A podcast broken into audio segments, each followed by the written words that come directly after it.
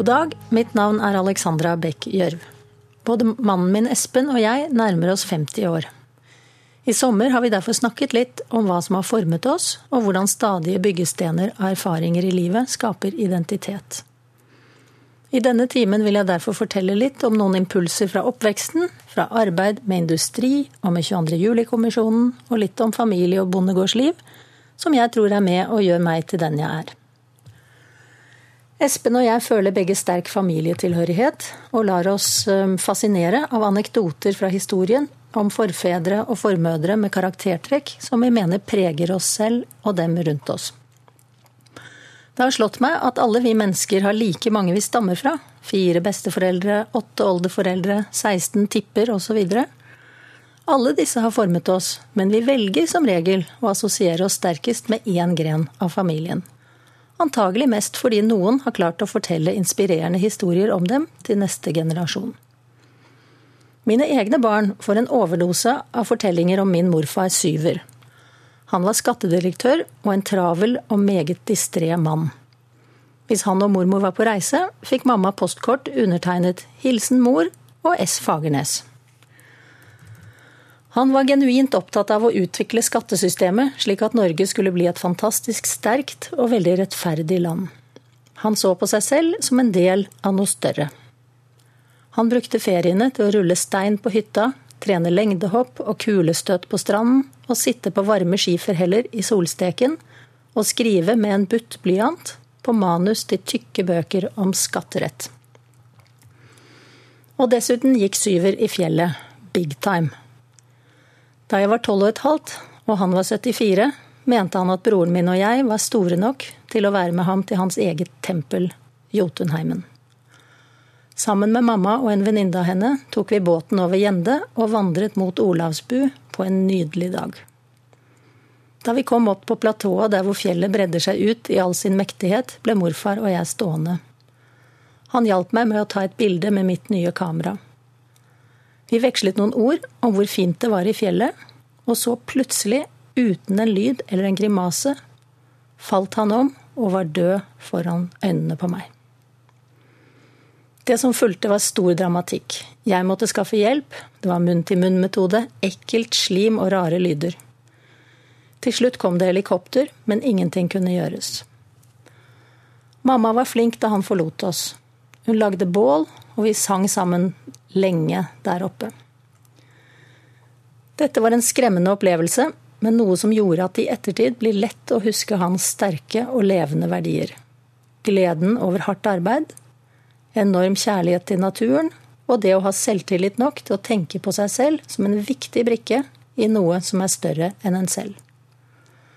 Til ære for det han sto for, velger jeg derfor å starte mitt musikkvalg med den geniale Henning Sommero, som jeg ble litt kjent med da han kom og spilte vårsøg i bryllupet vårt mellom tykke murvegger i den gamle steinkirken ved Hustad på Inderøy.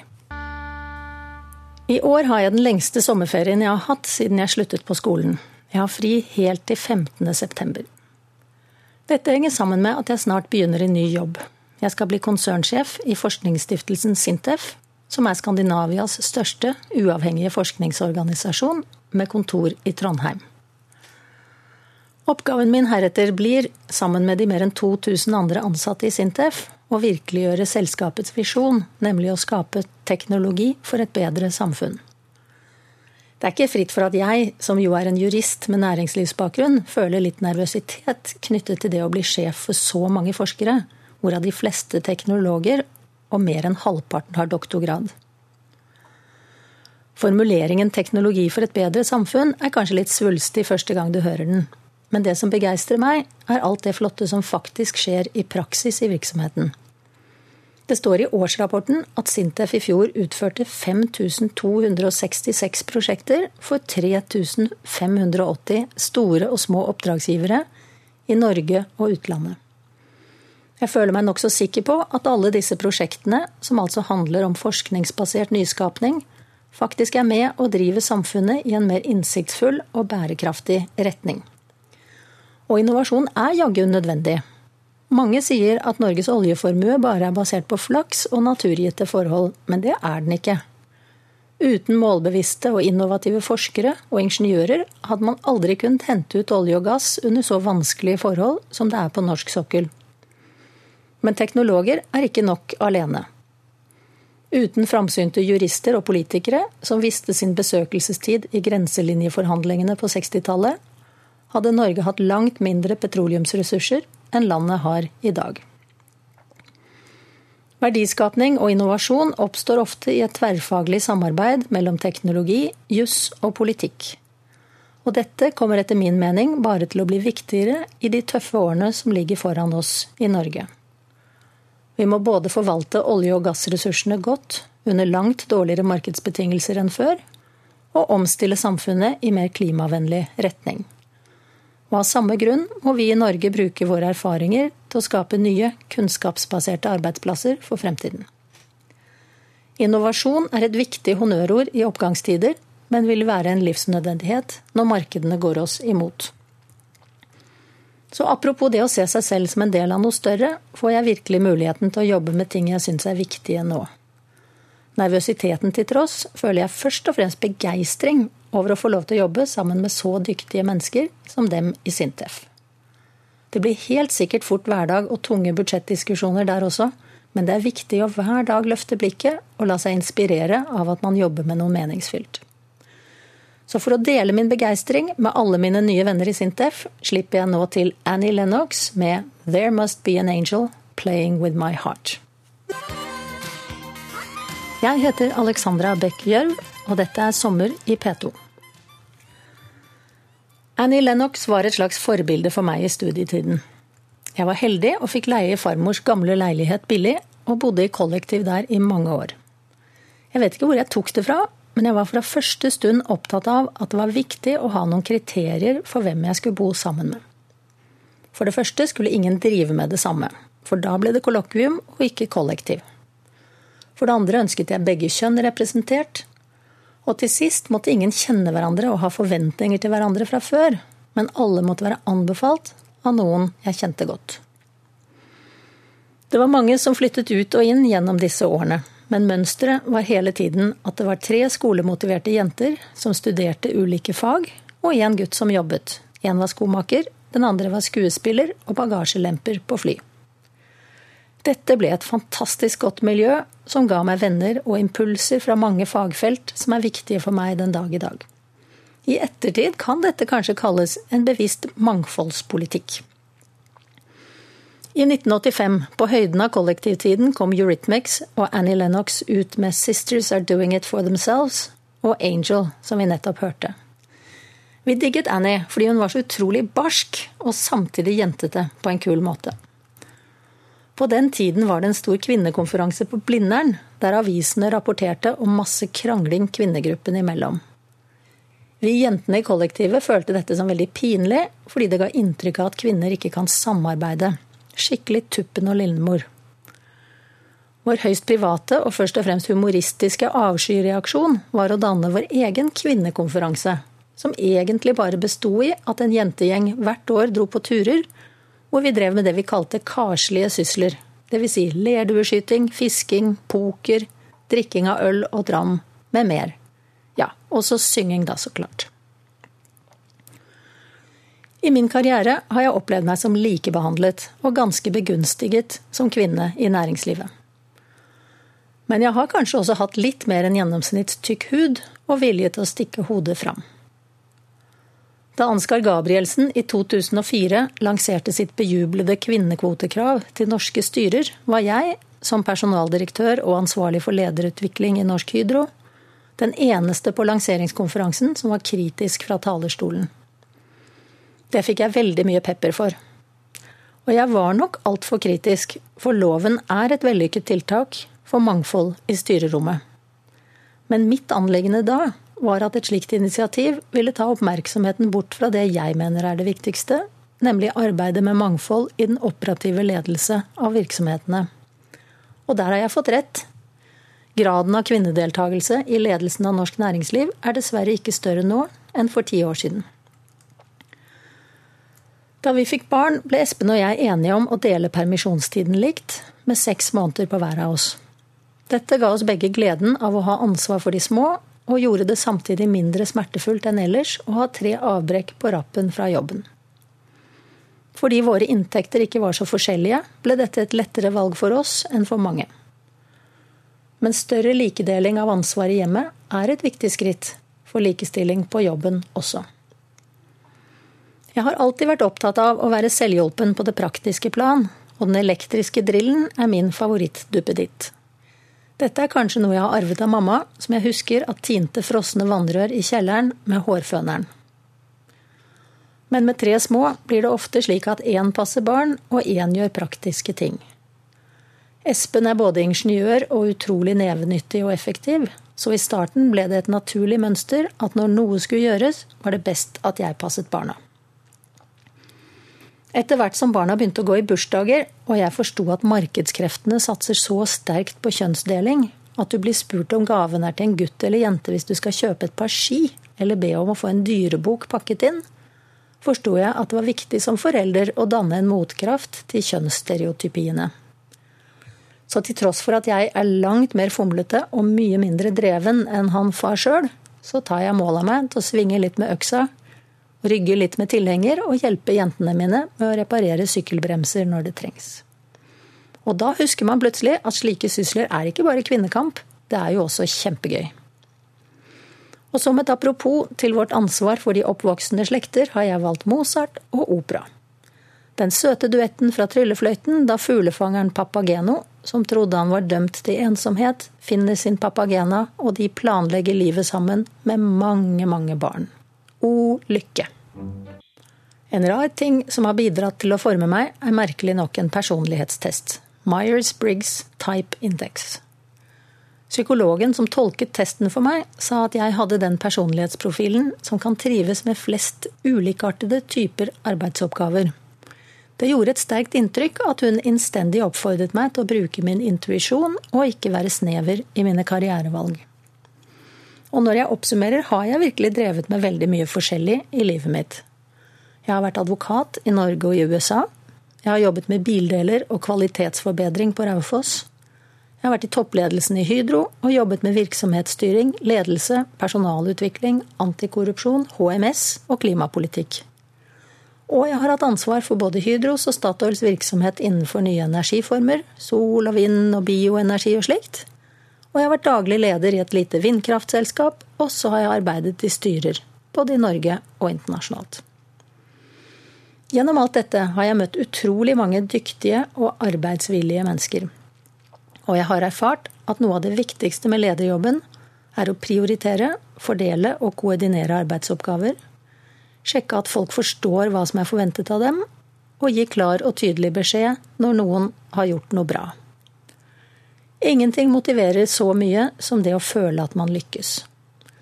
Jeg er ikke alltid så flink til å være konstruktiv og kan bli litt grinete når ting ikke går som de skal, men jeg prøver veldig hardt.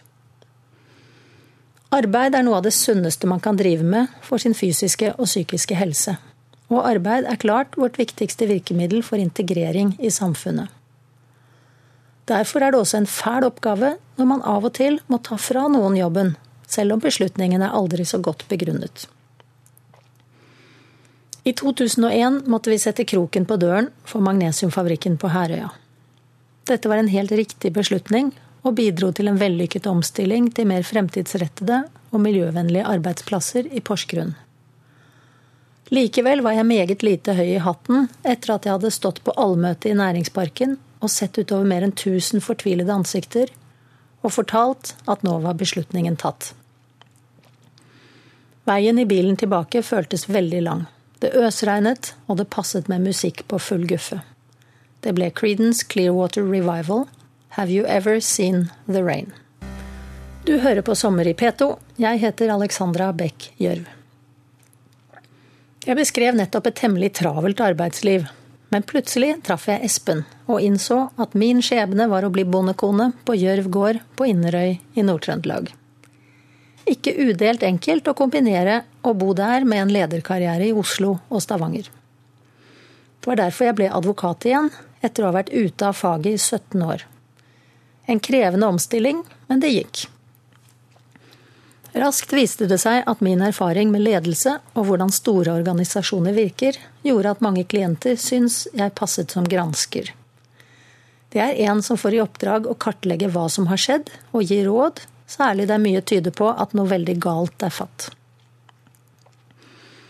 Likevel ble jeg temmelig paff da jeg i august 2011 mottok en telefon midt på natten fra selveste Jens Stoltenberg.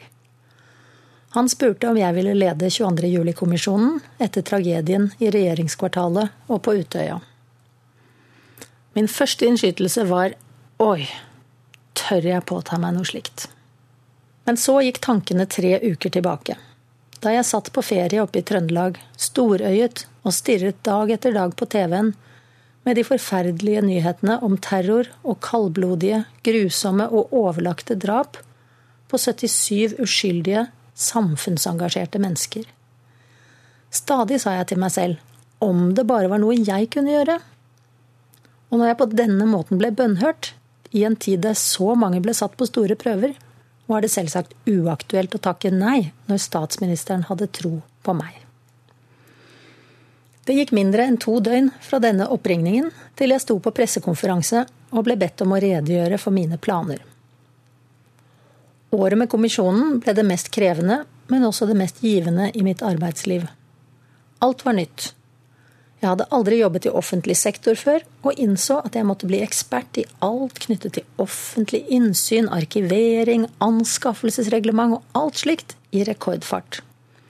For hvis det var én ting kommisjonen ikke hadde råd til, så var det å miste alminnelig tillit ved å gjøre slurvefeil. Vi var svært bevisste på å være uavhengige av myndighetene. Kommisjonen gjennomførte mer enn 30 intervjuer for å fylle de ni plassene i sekretariatet. Vi endte med én statsviter, en antropolog, fire jurister, hvorav én hadde vært politimann i hundepatruljen, en advokatassistent og to historikere. Den ene arkivekspert og en professor ved Universitetet i Oslo. Fire menn og fem kvinner. Vi måtte skaffe egne kontorer og valgte åpent landskap, slik at informasjonen skulle flyte fritt i dette tverrfaglige fellesskapet. Det var mange av oss som var veldig opptatt av språk, og flere erfarne skribenter. Noe av det smarteste vi gjorde, var å begynne å skrive nesten med en gang, slik at de månedlige kommisjonsmøtene kunne brukes til både å forstå og vurdere faktum, og til å foredle fremstillingsformen. Selv om vi var ti som førte pennen i den endelige rapporten, tror jeg at vi lyktes med å få til å snakke med én stemme.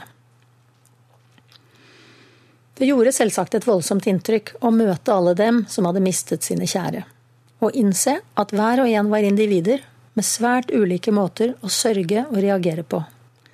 En far var svært skarpsindig og pågående.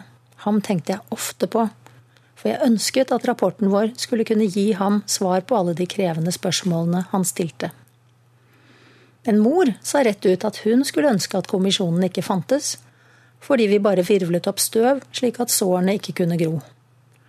Hun ble dermed et dobbelt offer, både for massemorderen, men også for storsamfunnets behov for svar. Jeg hadde veldig vondt av henne, men måtte gjøre min plikt. Kommisjonens hovedoppgave var å pløye møysommelig gjennom lydlogger, saksdokumenter, bilder, filmer, kart og annet materiale. Plotte dette inn i tidslinjer, for så å gjennomføre intervjuer med alle involverte. Løpende formulerte og reformulerte vi våre vurderinger. Kommisjonens konklusjoner er godt kjent, og jeg har fått en pris for å være modig. Men jeg oppfattet ikke under marsjen at vi var i tvil om vi turte å skrive hva vi mente. Det vanskelige var å presist sette ord på hva vi faktisk mente. Vi beskrev hva vi fant i detalj, og ga uttrykk for ganske sterk kritikk. Tilsynelatende traff vi et viktig punkt da vi pekte på organisasjoner der frykten for å gjøre noe galt hadde fortrengt oppmerksomheten fra å sette medarbeiderne i stand til å skape resultater og løse etatens samfunnsoppdrag.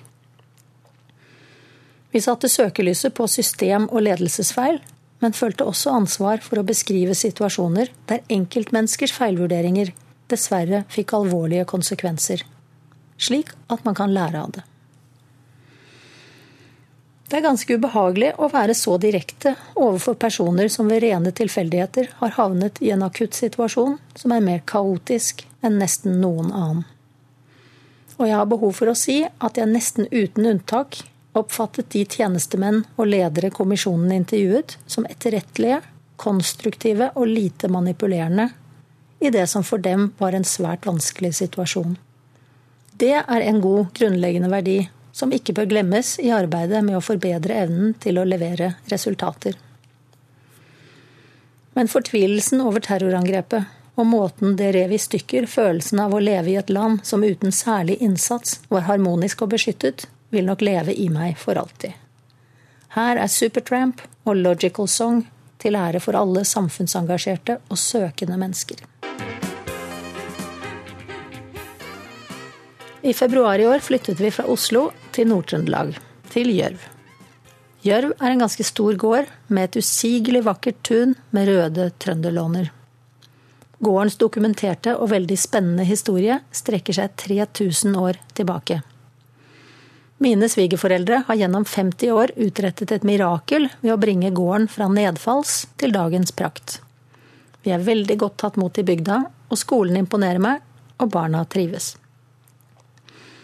Det er reglene om boplikt som ble innført på 1970-tallet, som krever at vi flytter til gården for å kunne ta den over fra Espens foreldre. Det skal ikke stikkes under stol at dette har vært et yrkesmessig meget krevende halvår, både for Espen og meg. Familiejuryen har ikke helt bestemt seg for hva vi samlet sett synes om dette. Men ny og spennende jobb i Sintef i Trondheim blir en stor forbedring. Eggene vi la i rugemaskinen da vi flyttet, ble til små kyllinger på selveste påskemorgen. Og nå i august kom de første små eggene. Bær, sopp og innhøsting av kornet venter. Og om en uke skal vi for andre gang slå på stortromma og arrangere stor konsert på tunet. Denne gang er det De Lillos som besøker oss, og jeg gleder meg og håper på et veldig stort og veldig gøyalt publikum. Det er mye som er meget bra ved å være gardkjerring. Her har vi De Lillos og smak av honning. Helt til slutt må jeg, Alexandra Bech Gjørv, få takke for oppmerksomheten. Jeg oppfatter at jeg har vært usedvanlig heldig som har fått så mange muligheter til å bruke hele meg.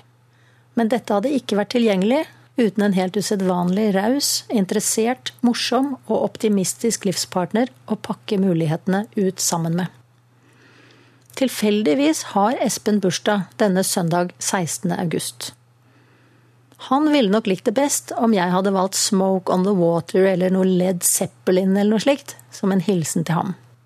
Men jeg har slik tillit til hans sjenerøsitet at jeg tror han også hæler at min bursdagspresang hentes fra min absolutte favorittfilm Sound of Music fra 1966. Her er I Must Have Done Something Good.